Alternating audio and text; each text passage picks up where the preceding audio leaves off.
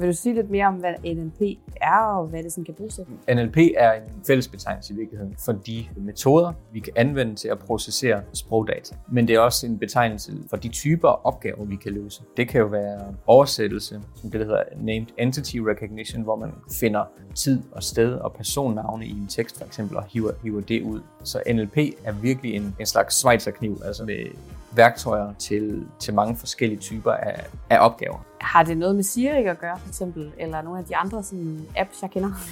Ja, altså de bruger også NLP-teknologi. Okay. Der er jo udviklet metoder til at processere din tale og genkende din stemme og så videre, som man så kan putte ind i den her applikation.